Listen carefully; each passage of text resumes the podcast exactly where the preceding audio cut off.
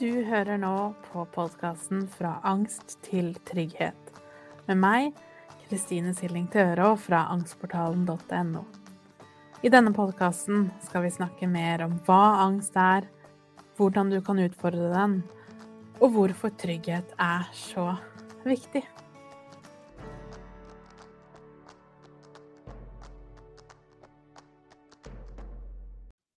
Hei og velkommen til episode nummer fire. Og i dag så har vi kommet til det punktet at vi skal snakke mer om trygghet. Så podkasten heter jo Fra angst til trygghet. Og da må vi også snakke om hva betyr egentlig det? Hva betyr trygghet? Og for mange så gir ikke det nødvendigvis mening. Det er ikke noe Kanskje du ikke helt kjenner igjen følelsen av trygghet, eller helt vet hvordan du skal gi deg selv trygghet, og det er veldig vanlig. Eller kanskje du har et visst forhold til trygghet, men du vet ikke helt hvordan du skal tilføre det midt oppi angsten som er så kaotisk og så uoversiktlig som den jo er. Så i denne episoden så skal jeg snakke om da hva trygghet er, og så kommer vi jo ikke utenom å snakke om barndom når vi snakker om trygghet. Og så skal jeg gi deg noen tips og tanker om hvordan du kan finne tryggheten til slutt. Men først, hva er trygghet? Jeg tenker på trygghet sånn at det handler om at det er greit og lov for deg å være deg. Og det betyr at du får lov til å ha de følelsene du har, at du har en forståelse av, og at omgivelsene også gir deg opplevelsen av at du får lov til å føle det du føler. Og da først og fremst, nå skal vi snakke mer om barndommen etterpå, men først og fremst handler jo det om hjemmet der du vokste opp. Så du får lov til å føle det du føler, at du får lov til å mene det du mener, og være den du er, Rett og slett være din egen person i verden, heller enn kanskje bare en forlengelse av foreldrene dine, for eksempel. Så trygghet handler om så mye mer enn bare fysisk trygghet, selv om det selvfølgelig også er like viktig og ekstremt viktig at du skal føle deg trygg der du bor, altså fysisk trygg at ingen kan gjøre deg noe eller gå over grensene dine. Men den emosjonelle tryggheten er også veldig viktig, og er kanskje den delen som ofte blir oversett. Fordi det er jo en, en viss opplevelse i samfunnet av, og kanskje er det noe som holder på å endre seg, men når vi vokste opp, og før det, så er det jo mer en tanke om at så lenge du har tak over hodet og mat på bordet, så har du ikke så mye å klage over. Og ikke minst det at barn skal, skal ses og ikke høres, for eksempel. For det er jo egentlig ganske nytt, det synet på barn som noe annet enn små voksne, eh, som bare skal eksistere, og som skal gjøre jobben sin, og som på en måte ikke skal bli sett eller møtt på noen annen måte enn det. Sånn tradisjonelt sett i samfunnet så er det strengt tatt ganske nytt, dette med å møte følelser hos barnet eller ha fokus på trygghet. Så det er ikke så rart heller at trygghet er et vanskelig tema for de fleste av oss, og at vi føler oss utrygge i hvem vi er at grunnstenene i din personlighet, eller i den du er, og det er helt på bunnen, har litt huller i seg. Fordi det på noe område ikke var helt greit å være deg, og vi alle på et eller annet vis har måttet tilpasse oss noe som kanskje ikke var det mest heldige for oss. Og for noen så vil det dreie seg om mange følelser, og for andre er det kanskje bare én følelse, eller én følelse i visse situasjoner. Og veldig typisk da er jo eksempel sinne, som jo er en, en følelse som hos barn er veldig synlig og voldsom, og kanskje også derfor det for mange er den følelsen som er utrygg. Så når vi nå skal øve på å gå fra angst til trygghet, så må vi også øve på å møte oss selv i de følelsene vi har, og i opplevelsene vi har. Og det er klart, er vi i en situasjon akkurat nå som vi ikke vil være i, eller som er vond eller smertefull å være i, så er det jo heller ikke spesielt rart at vi gjør alt vi kan for å komme ut av den, og for å bli kvitt den. Men skal vi øve på trygghet, så må vi også øve på trygghet og det å møte selv de verste delene. Men det trenger vi ikke å gjøre med en gang. Vi kan ta én ting om gangen og ha fokus på én følelse om gangen. Og så kommer det etter den, det neste etter hvert. Så akkurat nå er det kanskje tanken på trygghet som er der vi skal starte. Og som sagt så kommer vi jo ikke helt utenom å snakke om trygghet uten å snakke om barndom. For det er jo i barndommen denne tryggheten skulle ha blitt etablert. Og denne tilknytningen som er så ekstremt viktig for all utvikling. Så hvis det har skjedd noe der, så er det ikke så rart at verden i dag kanskje er, føles uoversiktlig eller ukontrollerbar og skremmende. Så når vi snakker om tilknytning, så handler jo det i bunn og grunn om den opplevelsen av at mamma og pappa alltid er der. Så hvis de forlater meg, de skal på do, eller de skal på butikken, så kommer de alltid tilbake. Og hvis jeg føler noe, hvis jeg er sint, hvis jeg gråter, så kommer de, og de takler å stå i mine følelser. Eller jeg er sulten, så får jeg mat. Så mine signaler til omverdenen, som for et lite barn er jo følelser, det er den måten du kommuniserer med foreldrene og andre på. Så når de blir møtt, så får jo vi også da en trygghet i at når jeg føler noe, eller jeg trenger noe, så er det noen i andre enden som hjelper meg til å dekke det behovet.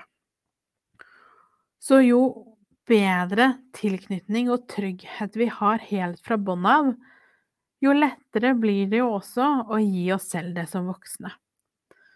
Så når vi lærer at det er helt selvsagt for oss at den trygge basen alltid er der, uansett hva du måtte si eller gjøre eller føle, så er det også mye lettere å gå lenger og lenger ut i verden, fordi du vet at hvis noe går galt, eller jeg skulle feile på en eller annen måte, så er jeg like mye verdt. Jeg er like bra, og jeg har alltid den trygge basen å komme hjem til. Men så, for de fleste, så skjer det et eller annet her. Og før vi går videre på akkurat det, så må jeg altså da legge til at det handler jo veldig, veldig sjeldent om at dine foreldre har gjort noe galt.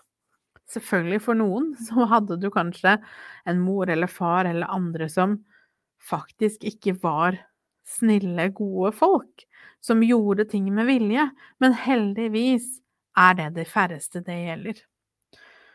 Så de fleste vil nok ha en opplevelse av at mamma og pappa er fine folk som gjorde så godt de kunne. Så dette handler ikke om at vi skal plassere skyld, eller at vi skal ta noen.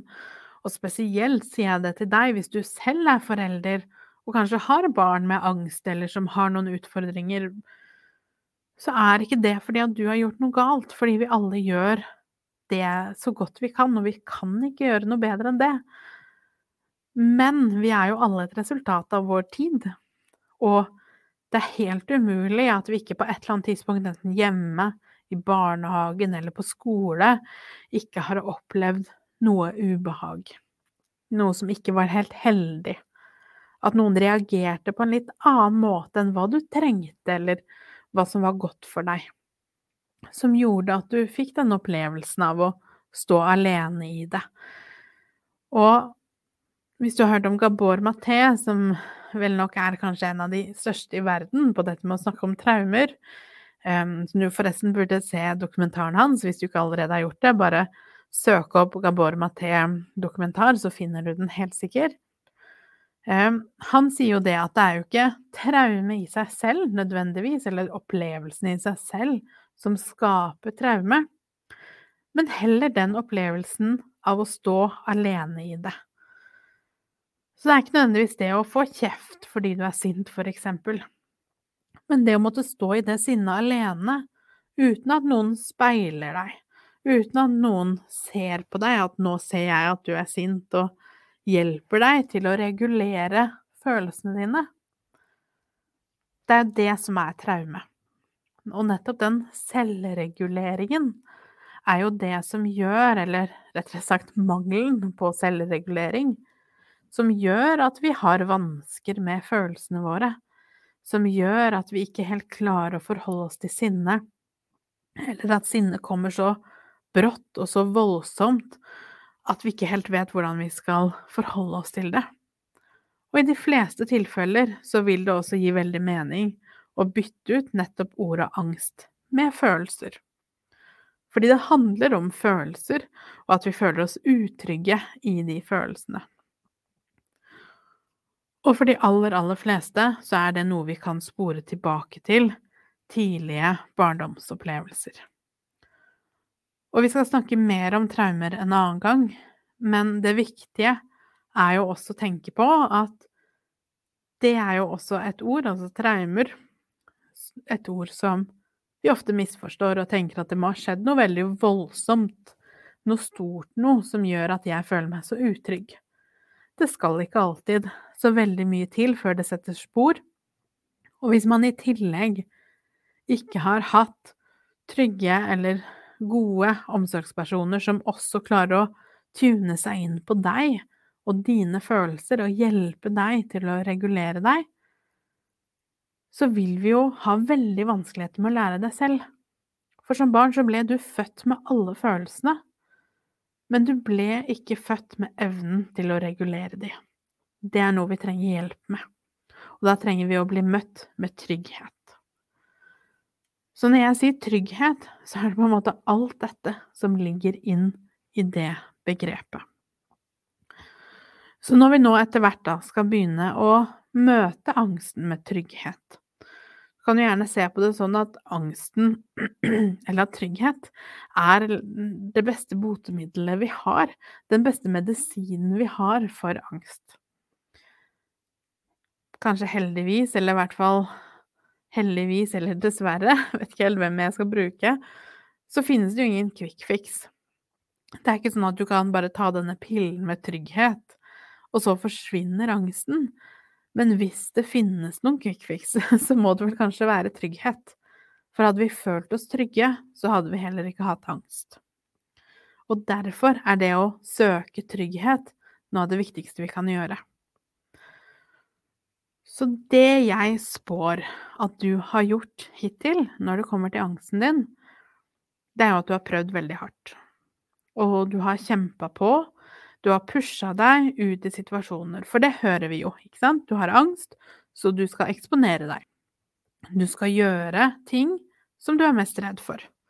Noe som jo selvfølgelig ikke er feil på noen måte, det er veldig viktig. Men det er også viktig at vi gjør det på en trygg og god måte, sånn at det faktisk har effekt. Så det jeg gjetter meg til at du har gjort altfor mye, det er jo nettopp det å pushe deg ut i situasjon etter situasjon som føltes utrygge. Men fordi du i bunnen ikke har lært å selvregulere, eller å finne trygghet, så rømmer du også ut av situasjonene med ganske høy angst Sånn at det hele tiden føles som det nærmest var flaks at du i det hele tatt kom deg gjennom. Det er nettopp det som skaper grobunn for enda mer angst.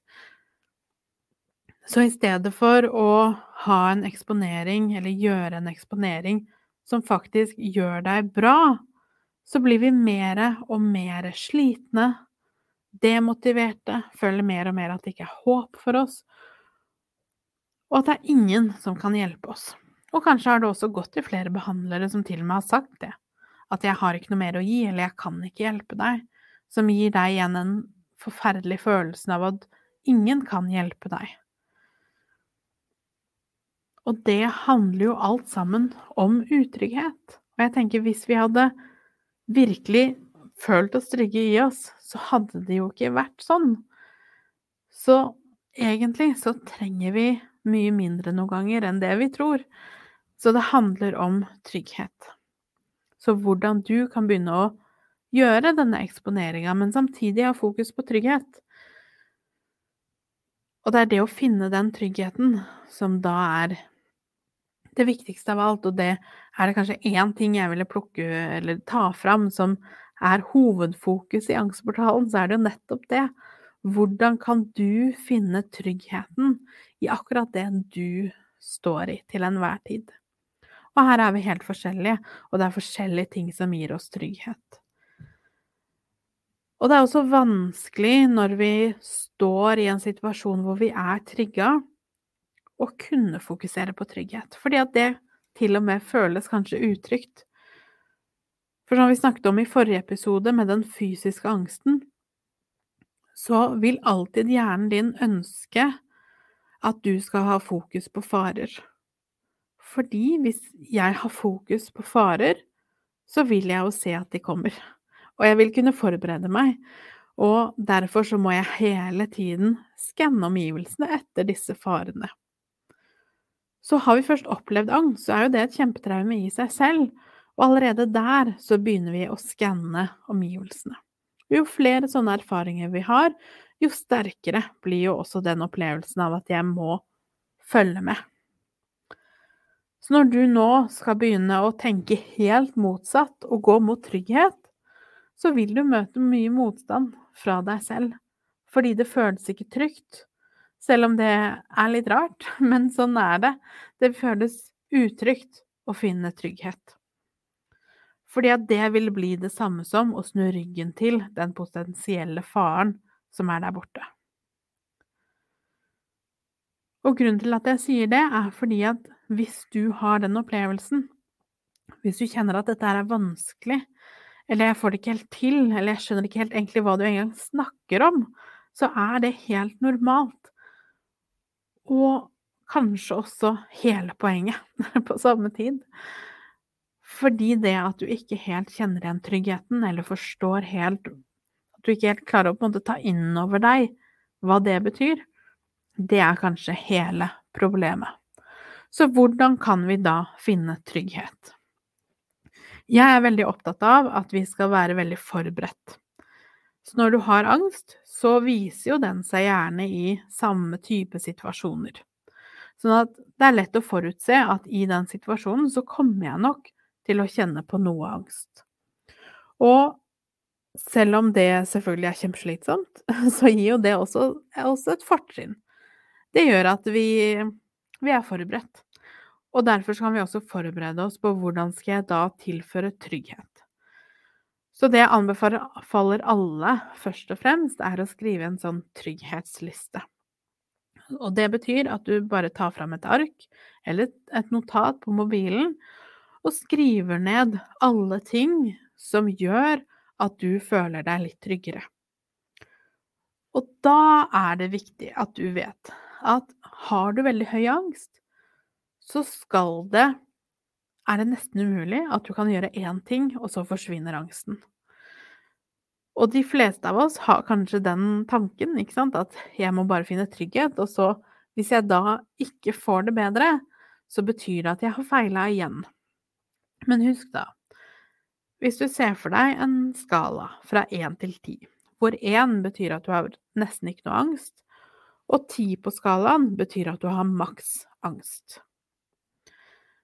Når vi da skal plukke én ting fra din liste, så er målet at angsten skal gå fra ti til ni på denne skalaen.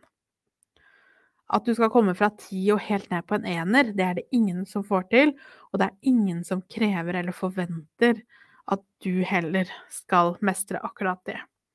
Så husk det, vi skal fra ti til ni. Så da kan jeg jo nevne noen sånne typiske ting. Og husk, når vi snakker om trygghetsstrategier, så kan det være helt små detaljer som kan hjelpe oss lite grann. Som å ha noe musikk i øra du liker. mange har jo førstehjelpen, for eksempel, hvor jeg har blant annet en sånn trygghetsmeditasjon, eller jeg snakker om noen, noen trygge ord og affirmasjoner i den meditasjonen. Mange liker å ha den på øret. Det kan være som sagt musikk, eller noe du liker å høre på. For noen er det musikk, for andre er det prating. Så hva er det som roer ned akkurat deg? Det kan også være å ta en varm dusj. Det kan være å drikke noe varmt. Det kan være å ha et teppe over seg i sofaen, eller uansett hvor du er. For noen kan det være å sitte i bilen. For noen kan det være å snakke med noen. For noen kan det være å gynge litt lett frem og tilbake. Litt vanskelig å vise over podkast, selvfølgelig, men se for deg at du sitter og gynger frem og tilbake litt lett med overkroppen, eller side til side. For noen kan det være å stryke på deg selv, som om du gir deg selv en klem, holde på lårene, holde på et eller annet, en stein, et eller annet fysisk, tenke på noen. Det er veldig, veldig mange ting vi kan gjøre som kan gi en litt mer følelse av trygghet. Så det som da er viktig, i og med som vi også har snakket om, at det skal ikke så mye angst til før logikken er borte og du har glemt alt det her, så er det kjempeviktig å ha det skrevet ned på et ark. Når du da føler deg utrygg, tar du frem arket ditt eller notatet ditt, og så velger du deg ut én av tingene på den listen og gjør nettopp det. Selv om det kanskje i angsten ikke føles riktig eller bra nok, eller kanskje til og med føles litt dumt eller ubetydelig, så vil jeg at du skal gjøre det allikevel. For å se og være nysgjerrig på hvordan det da føles. Og kanskje føles det ok. Kanskje føles det ikke ok i det hele tatt, og du ikke helt klarer å fokusere. Det verste som skjer, er vel kanskje nettopp det, at det ikke har noen effekt. Men da har du i hvert fall prøvd det ut, og neste gang kanskje det funker litt bedre, eller kanskje det er andre ting som funker bedre for akkurat deg. Det viktigste her er jo at det finnes så mange mulige ting vi kan gjøre, og med de fleste ting så trenger vi å øve på det mange ganger, spesielt hvis det handler om visualisering eller å gjøre ulike tips og triks for å føle trygghet i kroppen. Men noen ganger er det kanskje også bare det du gjorde, ikke var helt riktig for deg. Så ved å prøve ut for hver gang hva som kan gi deg en økt følelse av trygghet, så vil det også bli enklere.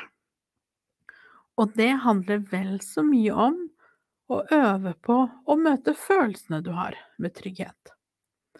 Så hvor ofte sier du til deg selv noe nedsettende om hvordan du har det? At du er lat. At du burde skjerpe deg. Hvis du hadde bare prøvd litt hardere, eller kanskje jeg bare skulle gjort sånn og sånn. Det er jo en utrolig utrygg måte å møte deg selv på. Og da er det jo ikke så rart at alt blir forsterka, og det vil bli verre og verre for hver gang. Så det vi må øve på, det er å møte oss selv og følelsene og tankene og de fysiske symptomene med omsorg. Og tenke hva kan jeg gjøre nå for å føle meg litt tryggere? Og det er nesten alltid det som er, for de fleste, at det handler om nettopp det, å finne mer trygghet.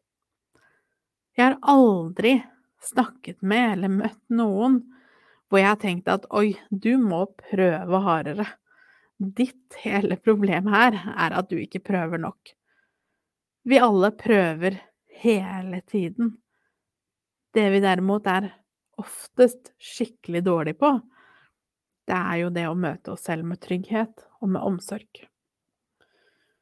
Så hvis du skal ta, fra, ta med deg én ting fra denne episoden, så er det nettopp den trygghetslista. Skriv den ned, sånn at neste gang du føler deg utrygg, du føler deg litt urolig, engstelig eller du opplever angst på en eller annen måte, ta en titt på den lista.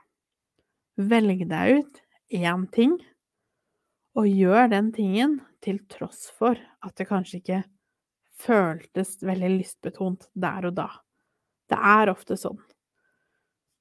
Og i verste fall så har du i hvert fall prøvd det ut, og det funka ikke.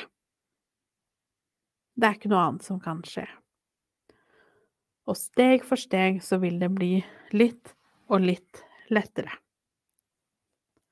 Og på den måten så kan vi øve på å bli skikkelig gode på å møte oss selv. I neste episode så skal jeg snakke mer om tanker, og spesifikt tanken for å bli gal, som jeg tror kanskje nesten de fleste av oss med angst har kjent litt på. Så da skal jeg snakke mer om den tanken, og hvorfor det er en normal tanke, i neste episode. Og frem til da så håper jeg du tar godt vare på deg selv, og ikke minst at du sier ifra hvis det er noe du lurer på. Ha en fin uke.